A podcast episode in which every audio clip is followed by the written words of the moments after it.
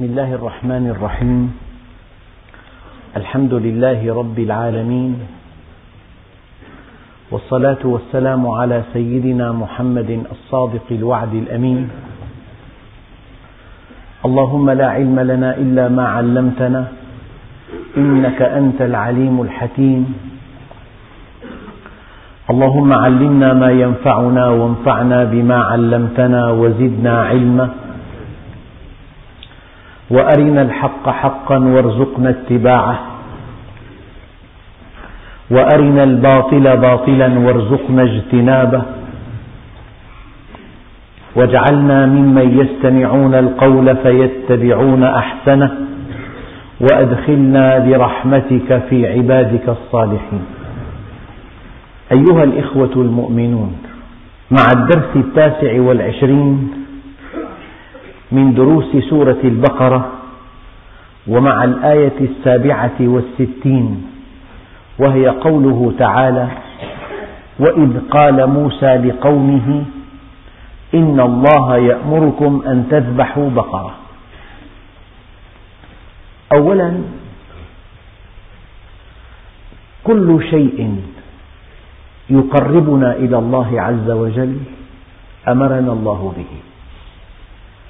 في كتابه أو من خلال سنة نبيه. وكل شيء ينهانا عنه.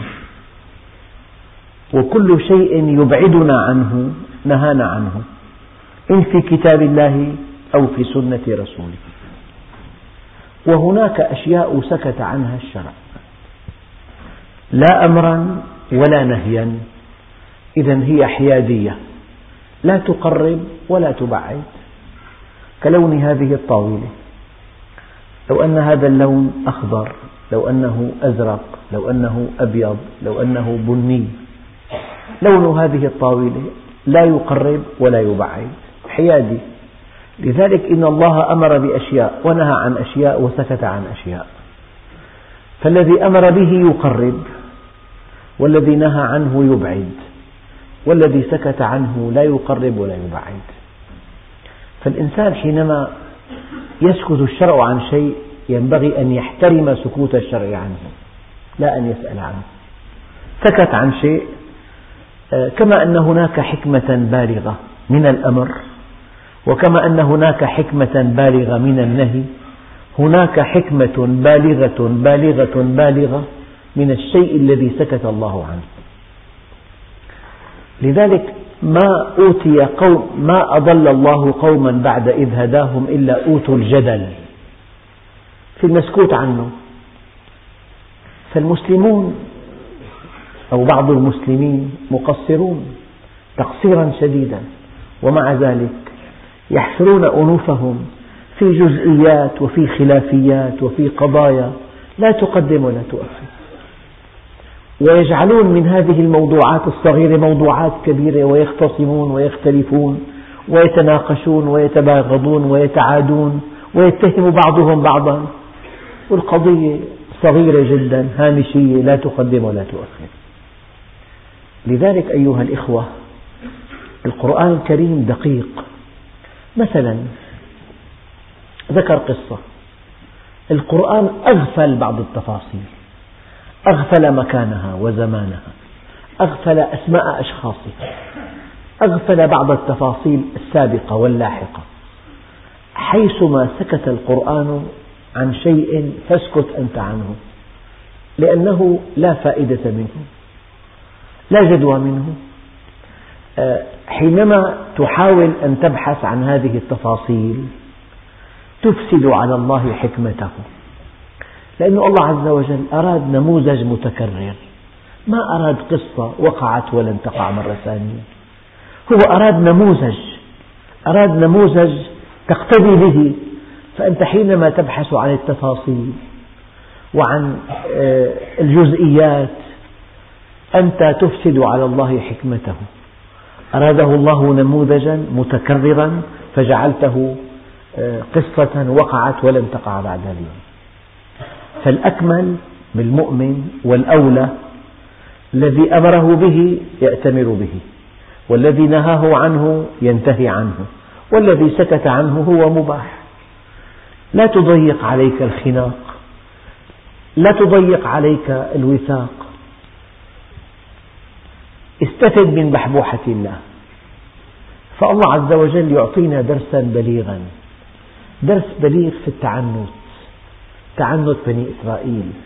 درس بليغ في انغماسهم بالجزئيات بالتفاصيل التي سكت عنها الشرع. الله عز وجل قال وإذ قال موسى لقومه إن الله يأمركم أن تذبحوا بقرة. بقرة نكرة. أية بقرة؟ أية بقرة صالحة لتنفيذ هذا الأمر؟ إن الله يأمركم أن تذبحوا بقرة طيب لماذا؟ أنت حينما تتلقى أمر من مساو لك تسأله لماذا؟ لك زميل بالدائرة قال لك افعل كذا تقول له لماذا؟ دائما وأبدا حينما تتلقى أمرا من مساو لك من ند لك تسأله عن الحكمة وعن العلة وما السبب ولماذا أما حينما تتلقى أمرا ممن فوقك ممنوع أن تسأله لماذا؟ أنت مريض لا تعلم في الطب شيئا. دخلت إلى طبيب أعطاك أمر. يجب أن تأتمر بهذا الأمر. أنت جندي في معركة حاسمة القائد العام أصدر أمر عليك أن تأتمر. فكيف إذا كنت عبدا لله عز وجل؟ وخالق السماوات أعطى أمر. الآن في عندنا سؤال دقيق. علماء العقيدة قالوا علة أي أمر في الكتاب والسنة أنه أمر فقط. رجل من أهل العلم ذهب إلى أمريكا والتقى بعالم أسلم حديثا ودار الحديث حول لحم الخنزير. وهذا العالم المشرقي أفاض في الحديث عن علة التحريم وعن أضرار لحم الخنزير وعن الدودة الشريطية وعن الآثار النفسية التي يتركه هذا اللحم في نفس الآكل وعن وعن وعن. ومضى يتحدث ساعات طويلة عن حكمة تحريم لحم الخنزير.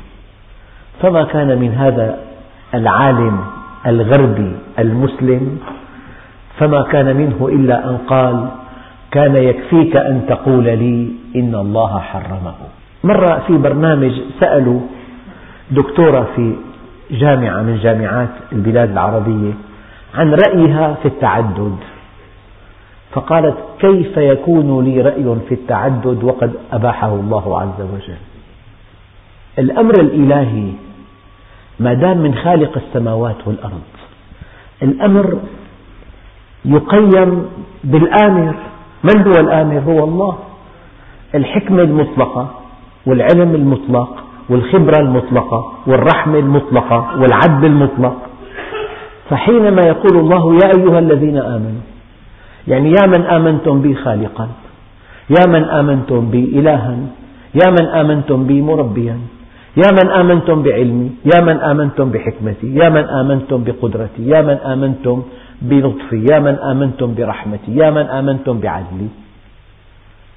أنا آمركم بكذا وكذا. لذلك المؤمن الصادق بمجرد أن يتلقى أمرا من الله عز وجل ينصاع إلى تنفيذه من دون أن يسأل عن الحكمة والعلة. إذا سأل بعد التنفيذ ليعلم الناس ما في مانع. إذا سأل عن الحكمة والعلة ليكون داعية ليقنع الناس ما في مانع. أما أن يعلق تنفيذ الأمر على معرفة الحكمة الكلمة الخطيرة الآن إنه عندئذ لا يعبد الله يعبد نفسه. هلا إنسان مثلا بيصوم لينزل وزنه بيصوم ليصون أجهزته هذا ما صام عند الله.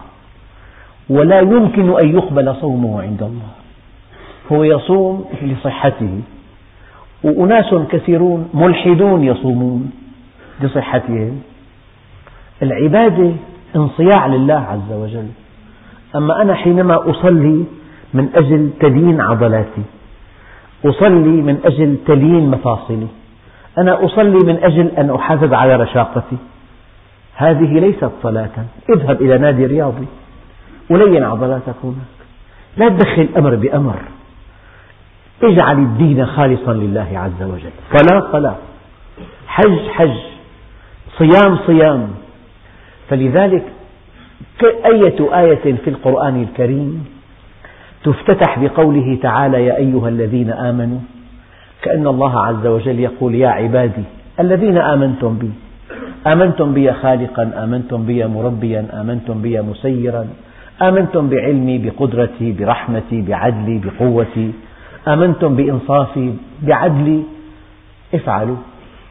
فأنت لمجرد أن يأتيك أمر من فوق يجب أن تنصاع له. أما إذا جاءك أمر من مساو لك تسأله لماذا؟ لك أن تسأله. لكن ليس لك أن تسأل الله عز وجل لماذا قبل أن تنفذ الأمر. هناك نقطة دقيقة جدا.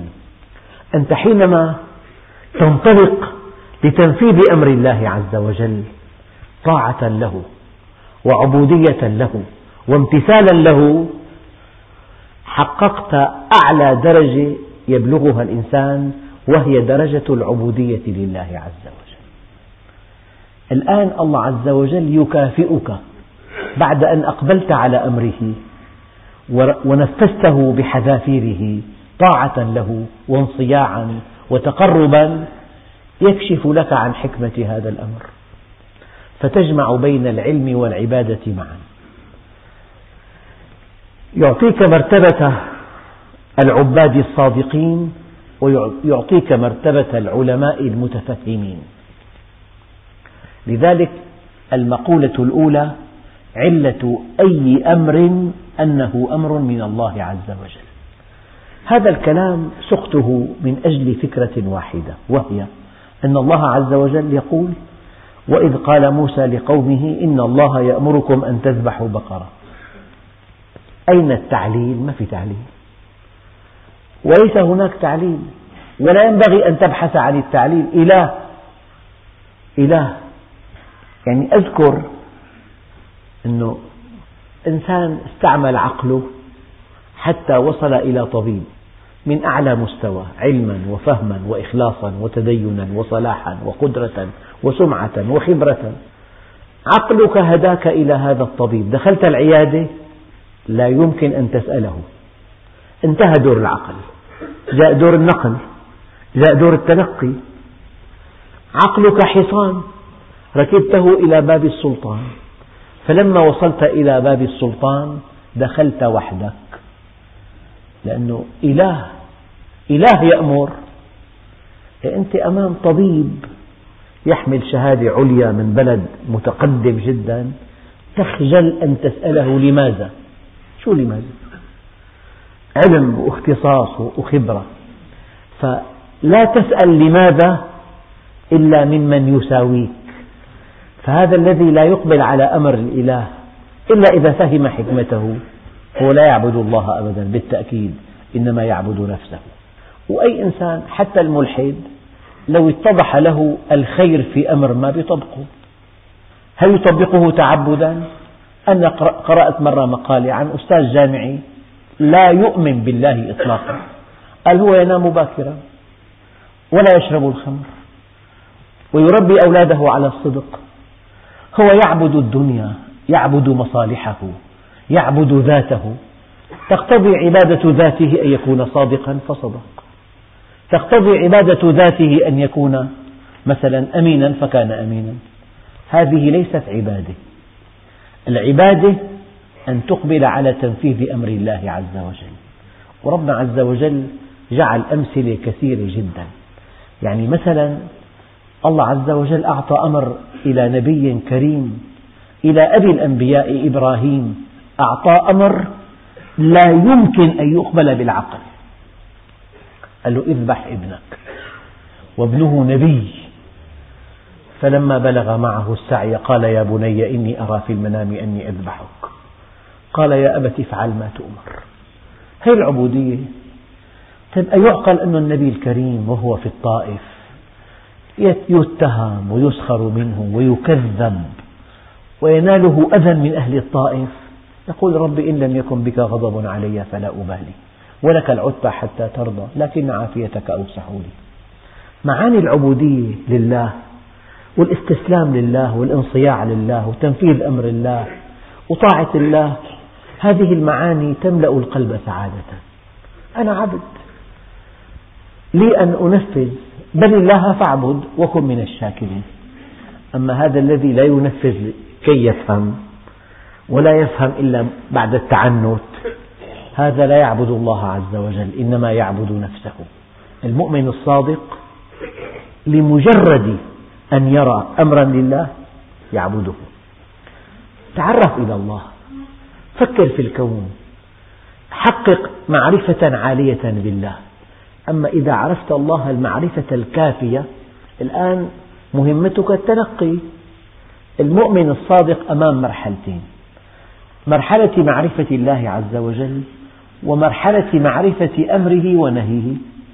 المرحلة الأولى أن تتعرف إلى الله معرفة تحملك على طاعة الله. والمعرفة الثانية أن تعرف أمره ونهيه من أجل التقرب منه. فالمؤمن الصادق الكامل لا يعنيه شيء بعد معرفة الله إلا معرفة الأمر والنهي. ليطبق. أيها الإخوة طبعا هذا تمهيد لقصة جرت مع بني إسرائيل. ومرة ثانية وثالثة ورابعة أقول كل أمراض بني إسرائيل يمكن أن نقع بها نحن المسلمين. وفي الأعم الأغلب وقعنا في معظمها وقعنا في معظمها. الآن رجل يقول في ندوة أنه لا ينبغي أن نقطع يد السارق. يجب أن نبحث عن ردع آخر إله عظيم. ذكر قطع اليد في القرآن الكريم. ألا يعلم أن هناك يعني ظروف تتأتى على البشرية آه، يستنكر فيها قطع اليد؟ يعلم. فلماذا أمر؟ لو أن الله عز وجل قال فاردعوهما مثلا السارق والسارقة فاردعوهما إذا لك أن تبدل وتغير. أما قال فاقطعوا أيديهما الإمام الشافعي سئل من قبل أحد الشعراء قال له يد بخمس مئين عسجد وديت؟ ما بالها قطعت في ربع دينار؟ قال عز الأمانة أغلاها وأرخصها ذل الخيانة فافهم حكمة الباري. لما كانت أمينة كانت سمينة فلما خانت هانت. يعني الحقيقة في مراحل مرحلة الإيمان بالله إذا أعقبها اعتراض على أمره أو البحث عن الحكمة كي أطبق معنى ذلك الأولى غير صحيحة. المرحلة الأولى غير صحيحة. نعم. أما إذا كان المرحلة الأولى صحيحة تنصاع إلى تنفيذ الأمر مباشرة. فلا يسأل عن السبب والعلة إلا مساو. ما دام الآمر يساويك في المقام والعلم والقدرة والمكانة والمرتبة تسأله أما إذا كان الآمر إلها والمأمور مخلوق عبد ضعيف محدود ينبغي ألا تسأل. ينبغي أن تبادر إلى التنفيذ. ولكن الله يكافئك على التنفيذ أن يكشف لك أن يكشف لك عن حكمة هذا الأمر فتجمع بين ميزة العباد وميزة العلماء. وإذ قال موسى لقومه إن الله يأمركم أن تذبحوا بقرة. السبب الذي جاء في آخر القصة هو أن رجل من بني إسرائيل كان ثريا. فجاء ابن أخيه وقتله وحمل الجثة وألقاها في قرية ثانية ليوهم أن أهل هذه القرية هم الذين قتلوا هذا الثري والقصة طويلة جدا. نشبت اتهامات باطلة ونشبت اختلافات وصار في صراعات وكادت أن تقع فتنة كبيرة جدا. لأن هذه التهمة كلما وجهت إلى جهة ترد إلى الجهة الثانية. فقالوا أنقتتل وفينا نبي؟ فلما سئل سيدنا موسى عن هذا الأمر جاء الأمر الإلهي إن الله يأمركم أن تذبحوا بقر. بس. اذبحوها. وما أضل الله قوما بعد إذ هداهم إلا آتاهم الجدل. البقرة. تجزئكم أية بقرة. أي بقرة على الإطلاق. مهما يكن سنها أو لونها أو عمرها أو خصائصها أو وزنها أو حجمها أو وظيفتها بقرة. إن الله يأمركم أن تذبحوا بقرة. قالوا أتتخذنا هزوا؟ يعني أيعقل من نبي يأتيه الوحي من الله؟ من نبي معه معجزات؟ من نبي يعد رسولا لله عز وجل؟ أيعقل أن يستهزئ؟ أيعقل أن يلغو؟ كلام الأنبياء بالمثاقيل. ما من كلمة قالها النبي عليه الصلاة والسلام إلا لحكمة بالغة بالغة بالغة. الله عز وجل قال وما ينطق عن الهوى إن هو إلا وحي يوحى. يا رسول الله أنكتب عنك وأنت غاضب؟ قال والذي بعثني بالحق إن هذا اللسان لا ينطق إلا بالحق في الغضب والرضا. ثلاثة أنا فيهن رجل وفيما سوى ذلك فأنا واحد من الناس. ما سمعت حديثا من رسول الله صلى الله عليه وسلم إلا علمت أنه حق من الله تعالى. ولا صليت صلاة فشغلت نفسي بغيرها حتى أقضيها. ولا سرت في جنازة فحدثت نفسي بغير ما تقول حتى أنصرف منها.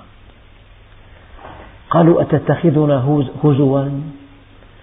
يعني قال له اعدل يا محمد. فتبسم عليه الصلاة والسلام. قال ويحك يا أعرابي من يعدل إن لم أعدل؟ من؟ تروي كتب السيرة أن النبي صلى الله عليه وسلم في أول معركة بدر أعطى توجيه لأصحابه. قال لا تقتلوا عمي العباس. يعني في واحد تأمل في هذا الكلام قال أحدنا يقتل أباه وأخاه وينهانا عن قتل عمه. صار في نفسه شيء من كلام النبي عليه الصلاة والسلام. ثم اتضح أن عم النبي عليه الصلاة والسلام كان مسلما وكان عينه في قريش وكان يأتيه بكل أخبار قريش. في الوقت المناسب. لو أن النبي عليه الصلاة والسلام صرح فقال إن عمي مسلم لأنهى مهمته. ولو أن, ولو أن العباس رفض أن يشارك في هذه الغزوة لكشف نفسه. ولو سكت النبي لقتلوه. فما في كلام أدق ولا أحكم من أن يقول النبي لا تقتلوا عمي العباس فقط. من دون أي تعليل أنه أي تعليل يفسد الأمر. فهذا الذي قال أحدنا يقتل أباه وأخاه وينهانا عن قتل عمه. فلما كشف له الأمر قال والله بقيت أتصدق عشر سنين لعل الله يغفر لي سوء ظني برسول الله. نبي هؤلاء الأنبياء قمم قمم البشر. قمم في الإحسان في الورع في المعرفة في الاستقامة. قالوا أتتخذنا هزوا؟ يعني معقول نبي كريم يتحدث هادئا قالوا أتتخذنا هزوا؟ قال أعوذ بالله أن أكون من الجاهلين. لا يستهزئ إلا جاهل. الجاهل وحده يستهزئ. قال أعوذ بالله أن أكون من الجاهلين. قالوا ادع لنا ربك يبين لنا ما هي. أية بقرة يريد؟ يا الله عز وجل أمر واضح. قال وإذ قال موسى لقومه إن الله يأمركم أن تذبحوا بقر بقر. ولا نستغرب أحيانا نجد يعني أول رمضان. النبي قال صومكم يوم تصومون. انتهى الأمر. أنا في بلد إسلامي. وفي قاضي شرع وفي ولي لأمر المسلمين والولي وكل وزير أوقاف والوزير سأل القاضي وعطى. صيامنا مو صحيح. لا صحيح لا مو صحيح. ليش لما جبت هالصحن ما سألت ولا شيخ عنه؟ بتمرق أكبر وحدة بدون سؤال. هلا علي عند واحد رمضان. بتلاقي أول يوم برمضان عندنا مليون سؤال كل يوم. سيدي صحيح صيامنا صحيح. في ناس ما صاموا اليوم في ناس صاموا. هي أمراض بني إسرائيل نفسها. النبي قال صومكم يوم تصومون. انتهى الأمر. فطركم يوم تفطرون. انتهى الأمر. أنت في بلد مسلم وفي قاضي شرعي وفي خبراء وفي علماء وبتوا بالأمر. هذا اسمه حشر أنف. على كل لا تسأل عن ذلك أنت. أنت عليك أن تصوم. وانتهى الأمر. فبتلاقي الجهود الإسلامية كلها الآن مستهلكة في الخصومات. هلأ في بأمريكا خلاف كبير جدا في جهة القبلة. أنه في طريقين للكعبة. طريق مباشر طريق بدور الدورة الكاملة حول الأرض. أيهما أصح؟ هي طاقات المسلمين هنا مبذولة في الخلافيات فقط. بيقول لك الكعبة هالجامع منحرف ثلاث درجات الصلاة ما بتصح فيه من قال لك ذلك؟ من قال لك إن القبلة هي الكعبة؟ لا. القبلة جهة الكعبة. القبلة ما بين المشرق والمغرب جهة الجنوب. هي القبلة. الكعبة قبلة من في الحرم والحرم قبلة أهل مكة ومكة قبلة المسلمين. خط. بينسى كل مشكلات المسلمين. بيجي على ثلاث درجات بالجامع مو ضبط الصلاة. هي تماما كالبقرة. في بالفاتحة 14 شدة. إن ما ضبطتهم صلاتك باطلة. أعوذ بالله. أنهيت ألغيت صلاة الناس كلها معناتها. مو كل إنسان عنده قدرة ينطق بالحروف تماما. مو كل إنسان. أكمل ومطلوب. لو واحد أسلم غير غير عربي في عنده لكنة. مع صلاته غير باطلة غير صحيحة باطلة. مرة دخل إنسان على هالمسجد قصة من عشرين سنة. قال كل واحد ما في طاقية براسه صلاته باطلة. حكاها جهارا. ارتاح حكاها وارتاح. أنا كنت حاطط طاقية الحمد لله. هي البقرة نفسها. المرض نفسه تاركين الأشياء الكبيرة تاركين معرفة الله تاركين طاعته تاركين كسب الحلال الإنفاق الحلال تاركين تربية أولادنا تاركين إتقان دنيانا إتقانا تاركين إعداد القوة لأعدائنا تاركين أساسيات الحياة ولاحقين ثلاث درجات قبلة وصيامنا صح أو ما صح وبتدخل بمتاهات لا تنتهي. فالإنسان حينما يبتعد عن جوهر الدين يقع في هذه الشكليات. نعم. قال, إن الله يأمركم أن تذبحوا بقرة. أية بقرة تصح؟ قال له أين أمشي في الجنازة؟ بدي الرأي الدقيق. أمامها أم خلفها أم عن يمينها أم عن شمالها؟ ماذا أفعل أخي بحيرة أنا؟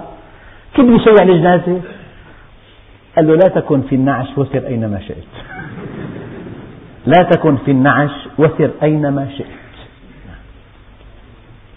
يعني حينما نستنفذ جهود المسلمين في قضايا ثانوية جدا جدا لا تقدم ولا تؤخر هذا ما يرضي الشيطان.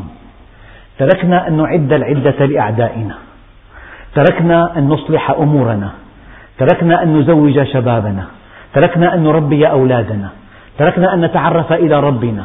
تركنا أن نطبق منهجه. تركنا أن يكون بيتنا إسلاميا. قبلنا أن نغذي شبابنا تغذية غربية. قبلنا أن نغذي بناتنا تغذية غربية. أما المشكلة في زاوية القبلة فقط هنا المشكلة. وأمراض المسلمين في المشرق منقولة إلى المغرب نفسها. أينما ذهبت في بلاد الغرب مشكلات المسلمين والخصومات بين الجماعات الإسلامية والفرق والطوائف هي هي. وهذا مما يرضي أعداءنا وهذا لصالح أعداء المسلمين. وخطر الخطر المداهم للإسلام لا من أعداء المسلمين بل من أدعيائهم. أيها الإخوة قبل سنة أو سنتين تقريبا في مسجد من مساجد بلدة من بلاد المسلمين. وقف خطيب وقال كل إنسان يصرف مئة ليرة أربع خمسة عشرينات وقع في الربا. النبي قال يدا بيد سواء بسواء.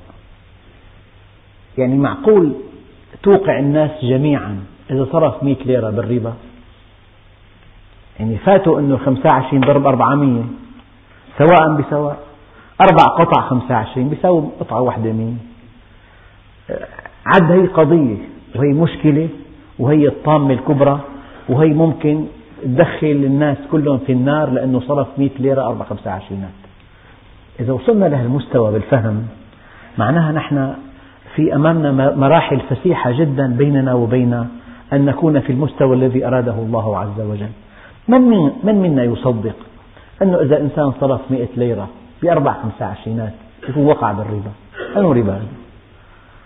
يدا بيد سواء بسواء مية مع مية بس مية أربع قطع مية قطعة واحدة. ما المشكلة؟ حينما تبدد جهود المسلمين في قضايا ثانوية جدا هامشية جدا لا تقدم ولا تؤخر ونسكت عن أخطر قضية في الدين نسكت عن الدخل الحرام نسكت عن الأعمال التي لا ترضي الله عن علاقات حرام عن دخل حرام عن إنفاق حرام عن بيت غير إسلامي عن بيت يغذى بالثقافة الغربية بالإباحية ويدعي صاحبه أنه مسلم. هي أخطاء كبيرة جدا. فلذلك كل مرض الله ذكره عن بني إسرائيل نحن مرشحون أن نقع به. أنه أهل الكتاب وفهموا الدين فهم غير صحيح. فهموا الدين فهم فلكلوري أحيانا. فهم استعراضي. فهم أسطوري. ما فهموا فهم عميق. ما فهموه منهجا لله عز وجل. قالوا ادع لنا ربك يبين لنا ما هي. قال إنه يقول إنها بقرة لا فارض ليست مسنة. ولا بكر ولا صغيرة. عوان بين ذلك. يعني عمرها معتدل فافعلوا ما تؤمرون. خلصونا بقى اذبحوها. قالوا ادعوا لنا ربك يبين لنا ما لونها بدنا اللون. قال إنه يقول إنها بقرة صفراء فاقع لونها تسر الناظرين. قالوا ادع لنا ربك يبين لنا ما هي. نريد أن تعينها لنا بالذات. إن البقرة تشابه علينا. وإنا إن شاء الله لمهتدون. قال إنه يقول إنها بقرة لا ذلول لا تحرس. يعني الذلول هي البقرة التي عودت على الحراسة. تثير الأرض لا ذلول تثير الأرض. يعني ليست للحراسة ولا تسقي الحرث ليست لإخراج المياه.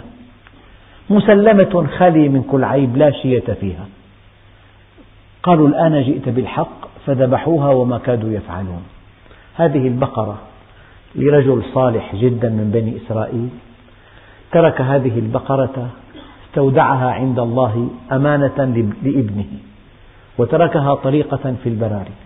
فلما كبر ابنه جاءته طواعية.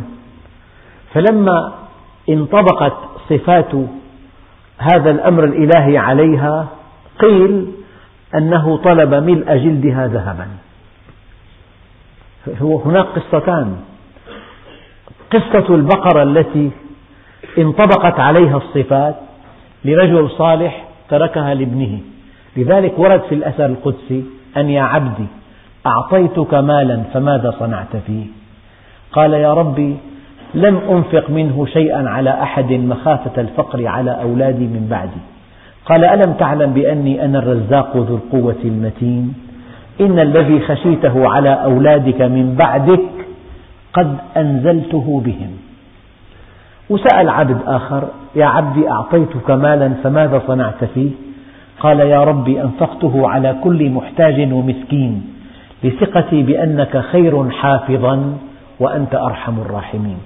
قال يا عبدي أنا الحافظ لأولادك من بعدك. وكل إنسان صالح. دخله حلال وربى أولاده تربية عالية لا يقلق عليهم من بعده. الله جل جلاله بعليائه يتولى تربيته. هذا الدرس بليغ. رجل صالح دخله حلال. ترك بقرة استودعها عند الله لابنه. فلما كبر ابنه جاءته البقرة. انطبقت عليها صفات الأمر الإلهي فطلب ثمن ملء جلدها ذهبا. وكان هذا الأمر.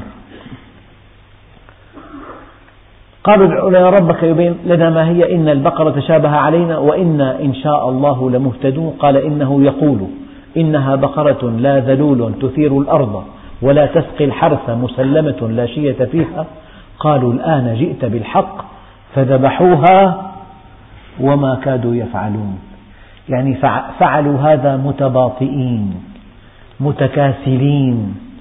الآية الكريمة خذوا الكتاب بقوة واذكروا ما فيه. وإذ قتلتم نفسا فادارأتم فيها. كل واحد اتهم الآخر أنه قتل وكادت تقع فتنة كبيرة. والله مخرج ما كنتم تكتمون فقلنا اضربوه ببعضها. خذوا قطعة من هذه البقرة المذبوحة. واضربوا بها الميت. يقف ويقول قتلني فلان.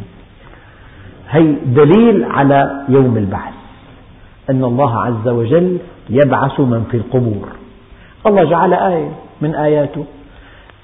إنهم حينما أنكروا البعث وأنكروا يوم القيامة أراهم الله آية ناطقة.